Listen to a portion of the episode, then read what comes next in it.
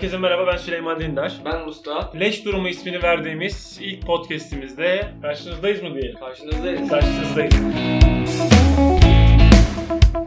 Şimdi bu e, biz mizah gazetesine başlamadan önce zaten yıllardır Mustafa ile beraber doğaçlama tiyatro yapıyoruz. Mizah yapıyoruz. Bir şekilde bazı kişileri takip ediyoruz. Örnek alıyoruz. Yani onları araştırıyoruz diyelim ve bununla, bundan sonra bunun akabinde de akabinde diyerek de böyle bir ciddi konular konuştuğumuz belli olsun. Mizah gazetesini kurduk ve mizah gazetesiyle de anlatmak istediğimiz şeyleri anlatmaya gayret ediyoruz. Bugünkü konumuz Eğlencenin bir endüstri haline alması. yani eğlence sektörü artık bir endüstrileşti ve bu nerelere gidiyor, nerelere doğru yol alıyor bunu konuşacağız bugün. O zaman biraz daha soru cevap şeklinde ilerleyelim. Mesela bir geçen gün bir tiyatro oyununa gitmiştin. Orada şahit olduğum bir durum vardı. Ondan bahset biraz. Ya geçen gün e, hani oyun hakkında da çok fazla bilgi vermeden bunları anlatayım. İşte Erdal Beşikçioğlu'nun Bir Delinin Hatıra Defterini izlemeye gittik. Aslında oyun hani o da aslında bir, bir, bir şekilde mizah. Hani trajikomik bir hikaye. Neyse hani ona girmeden önce kuyruktayız. İşte bekliyoruz içeri girmek için. İşte önündeki kadınlar konuşuyorlar. Diyorlar ki sakın diyor işte Cem Yılmaz'ın filmini. Cem Yılmaz'ın filmi de o gün bir gün önce girmişti vizyona. Kara komik filmler. İşte sakın diyor Cem Yılmaz'ın filmine gitme. İşte arkadaşlarıyla işte eğlenmek için film yapmış gibi şeyler söylüyor. Şöyle bir hal almış. Yani bir insanlar bir ön yargıda. Mesela o da Evet. diyor ki yanındaki de tamam gitmeyeyim madem diyor. Lan bir insanın bir söylemiyle sen bir filme gitmiyorsan gerçekten de gitme yani. Oyuna girdik. Neyse yer gösterici arkadaşlar var. Salon bayağı büyüktü. 3000 kişilik falandı. Açık hava tiyatrosuydu. Kapıda bir ton çalışan insan var. Yani hep üniversite öğrencisi. Onlar da oraya harçlık çıkarmaya gelmişler. Çocuklar gösterdi yerlerini. Bir tane kadın oturttular falan. Kadın baktı sahnede böyle sandalyeler var. Hani oyun hakkında bilgi vermeyeyim derken bunu diyordum. Oyun bir platform üstünde oynanıyor. Kadın onu bilmiyor. Hani araştırması gerekiyor mu gerekmiyor mu bu ayrı bir tartışılır konu. Ama bence cidden insanların bir oyuna gitmeden önce o oyun neyi anlatıyor, nasıl oynanıyor falan gibi bir şeyler okuması gerekiyor. İşte kadın başladı o üniversiteli çocuğa bağırmaya. İşte dedi ki ben para veriyorum buraya falan. Sahneye utanmadan dedi şey koymuşsunuz dedi. Sandalye koymuşsunuz. Sahneye sandalye koymuş var işte tatbikat sahnesinde o yapım ekibi falan. Zaten normalde de tatbikatta da öyle oynanıyormuş. Baktım fotoğraflarına. Sahnede sandalyeler var. Neyse çıkardı cep telefonunu. Böyle organizatörleri falan çekmeye başladı. Tamam mı? Böyle bayağı çekiyor yani. Bakın arkadaşlar bu böyle oluyor. Görün falan diyor böyle. Kimse de bir şey demedi. Çocuk işte böyle alındı gitti üzüldü falan. Oyun başladı. İşte kafam arada döndürüp bakıyorum. Böyle yüzünü somurtmuş bakıyor. Hani sanki böyle en önde izlemek istiyor sanki. Ve böyle şey durumlar var böyle. Anlaşılması güç. Böyle insanların ön yargılarıyla mesela o oyuna kaç para vermiş bilmiyorum. Hani 100 lira versin. 100 lira verdiysem ben işte şunu görmeliyim. Şunu izlemeliyim. İşte Cem Yılmaz'ın filmine ben 20 lira verdiysem işte kara komiye çok gülmeliyim. Böyle bir ön yargıyla gidiyorlar. Yani sen bu konu hakkında ne diyorsun? Ya biraz şimdi linç kampanyası aşırı derecede trend olmuş durumda. Yani birileri birilerini linç etmek istiyor. Bu gerçek bir şey ve bunun sebebi de bir deli kuyuya taş attı mesela. İşte ben komedi oyuncusuyum dedi. Ondan sonra biri çıktı ben drama oyuncusuyum dedi. Ya abicim sen oyuncusun. Sen dram da yapacaksın, komedi de yapacaksın. Ama millet artık o şekilde birilerini o karakterlere oturttuğu için de ya onu hepsini bütün potansiyelini görmek istiyor. O sanatçı. O onu yapmak istemeyebilir. Sen e, siyah rengi seviyorsun diye bir ressam tablosunda siyah koymayabilir ya. Ya bir de şey var mesela hani bunu yapanlar da atıyorum hani iki örnekten verdik. Erdal Beşikçioğlu mesela hani genelde dram oynuyor.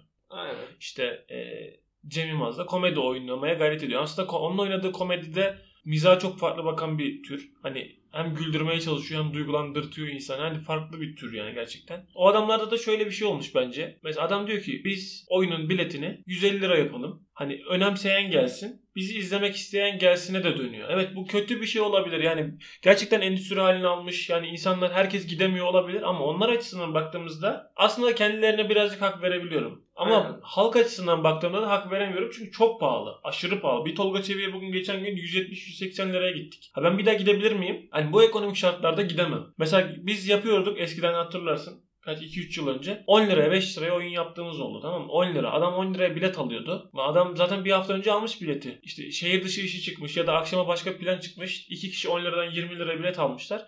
Diyor ki "E ben bu oyuna gitmeyeyim boş ver diyor. Ama 170 liraya da bilet aldığı zaman Hani düğünü varsa düğünü iptal ediyor adam. Hani- hani bunu bu tarz davranıyorlar. Yani bu konu hakkında sen ne diyorsun? Para kıymetli artık. Şu an para kazanmak aşırı zor durum. Özellikle Türkiye'nin şartlarına baktığımızda ekonomik olarak zaten zor günler geçiriyoruz. Ve sanatta artık iyice paraya döküldüğü için sanatçılar para kovalama durumuna da geçti. Hatta para kovalamak için sanat yapmaya çalışanlar oldu. Misal vermek gerekirse Enes Batur cinsinden böyle YouTuber'lar. YouTuber da meslek mi oldu artık ne oldu onu da bilmiyorum. YouTuber'lık. Yapıyorlar yani. Ya tamam para kazanıyorsun eyvallah. Kimsenin ekmeğinde gözümüz yok da ya arkadaşım ya bir işi yapıyorsan tam yap. Yani sanat yapıyorsan içinde sanatsallık olsun. Bir şey anlatsın yani. Ben orada boş bir şey izlemek istemiyorum neticesinde. Onun için o kadar para istiyorsun bir de. Para veriyorsan karşılığını alman lazım. Herkes o gözü, gözle bakıyor ama sen karşılık olarak ne bekliyorsun? Karşılık olarak ne var? Sen komedi tiyatrosu için 170 lira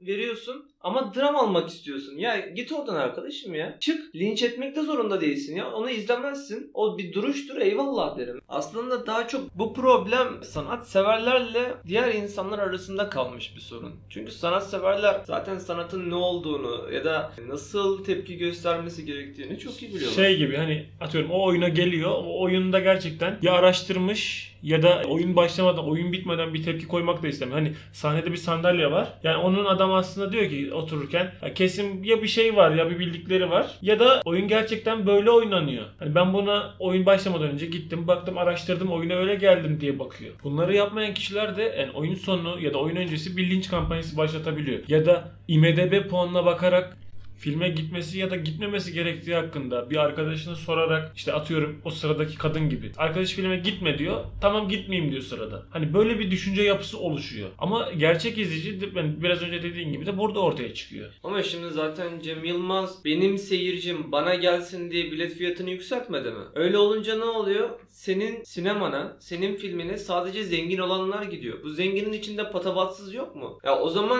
Ya sen bu gel- para konusu değil yani kültür konusu yani biraz Aynen. Ya öyle olunca da e, ne oluyor? İşte param yok. O sinemaya gidemiyorum ama film hakkında bilgi sahibim. O adamın nasıl bir film çıkaracağını biliyorum. O adamı araştırmışım. Mesela Cem Yılmaz'ın o karikatür çizdiği zamanlardan beri takip edenler var. O adamlar Cem Yılmaz'ın filmine gidemiyor da cebinde 3 kuruş para var diye oraya gidip hadsizlik yapanlar gidebiliyorsa ben bu konuda diyecek bir şey bulamıyorum. Bu bir sorun. Bu sorun nasıl çözülür? Bu sorunu arkadaşım filme girmeden önce test yap. ne bileyim.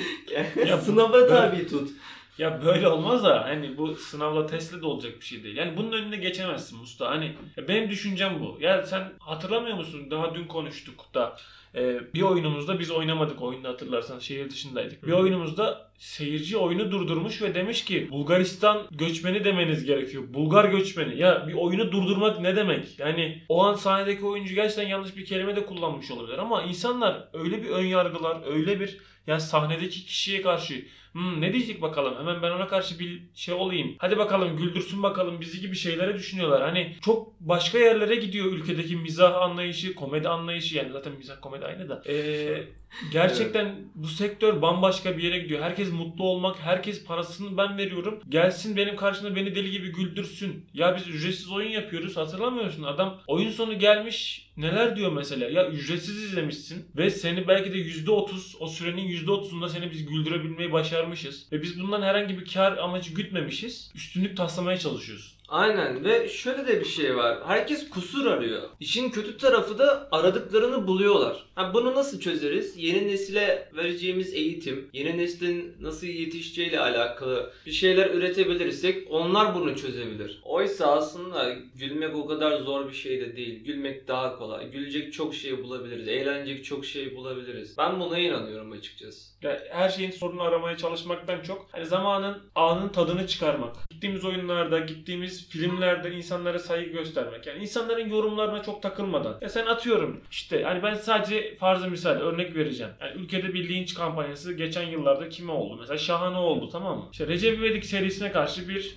linç kültürü var. Oluştu bu bir kültür oldu artık. Yani Recep İvedik bir film çıkardığında e, Twitter'da ya da bazı sosyal mecralarda, sözlüklerde kendisine karşı bir linç oluşuyor. Ha bu haklıdır, insanlar haksızdır. Ben burasını bilemem. Ama bu adamın işte ya gerçekten gidersen bir filmine tamam bakarsın. Hoşlanmadıysan filmden sonra bu filme gitmezsin. Yani iki seri iki film gittim mesela. Şahan'ın iki filmine gittin. Senin mizah anlayışın bu adamın mizah anlayışıyla bağdaşmıyorsa buna gitmeyerek bir tepki gösterirsin. Yani o adamı yerden yere vurmakla, o adamın ekmeğiyle oynamakla bazı şeylerin çözüleceğini zannetmiyorum. Atıyorum Cem Yılmaz böyle bir mizah anlayışı vardır ya da herhangi birisinin böyle bir dram anlayışı vardır. Yani onu yerden yere vurmakla bunun yaptığı mizah değil, bunun yaptığı dram değil. Gitme. Hayır o para kazanmasın demekten çok gitmeyerek hani onun da bir kitlesi var sonuçta. Yani bu ülkede TikTok diye bir gerçek de var. Maalesef. Ya, ya maalesef ya da değil. Bu kırsalda yaşayan gençlerin ya da kırsalda yaşayan halkın sosyal medyaya adapte olma süresi. Yani artık onların da yeni bir uygulaması var. Hani belki Vine'da bir yer bulamadılar, YouTube'da bir yer bulamadılar ama TikTok'ta bir yer bulabiliyorlar. Yani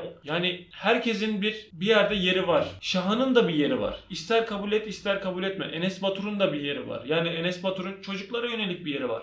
Kalkıp beyaz yakalılar Enes Batur izlemiyor ki. Bence buradaki püf nokta kesinlikle görecelilik. Sevmeyebilirsin Cem Yılmaz'ı sevmeye yani o oyuna gittiğinde hoşlanmayabilirsin. Bir dahaki oyuna gitmeyerek bir mesaj verirsin ya da bir dahaki filme gitmeyerek bir mesaj verebilirsin. Aynı şekilde e, kendileri açısından haklı bulsam da ama halk açısından hala haklı bulmuyorum. Bu kadar yüksek bilet fiyatlarını. Yani ben e, eşimle beraber bir tiyatro oyununa gitmeye kalksam ayda 4 tane ki benim haftada bir tiyatro oyununa gitmem bir lüks değil, lüks bir yaşam değil. Bu benim bir ihtiyacım olarak görülmeli. Yani gerçekten kitap okumak gibi, dışarı çıkıp gezmek gibi bir ihtiyaç. Ben 4 oyuna gittiğimi düşünüyorum. 800 lira. E, atıyorum e, Mısır'ıydı, Cardıydı, Curduydu bir filme gittiğimi düşünüyorum. Ayda da 2 filme gitsem o da bir ton para. Yani 1000 lira ben sadece kültürel aktivitelere para ayıramam ki. Yani ayırırsam da çoğu şeyimden kısmak zorundayım. Hani bunun da bir önüne geçilmesi gerekiyor. Bunun da işte nasıl önüne geçilecek? Hadi yani şu an belki de dinleyen birisi ya gerçekten bir şey üreten birisi bunu dinlesin. Hadi bakalım öneriniz ne dese böyle bir çalışma hakkında da düşünmedik daha önce. Hani biz ne yapıyoruz? Biz daha ucuza yani gerçekten yıllardır bir şeyler yapmaya çalışıyoruz.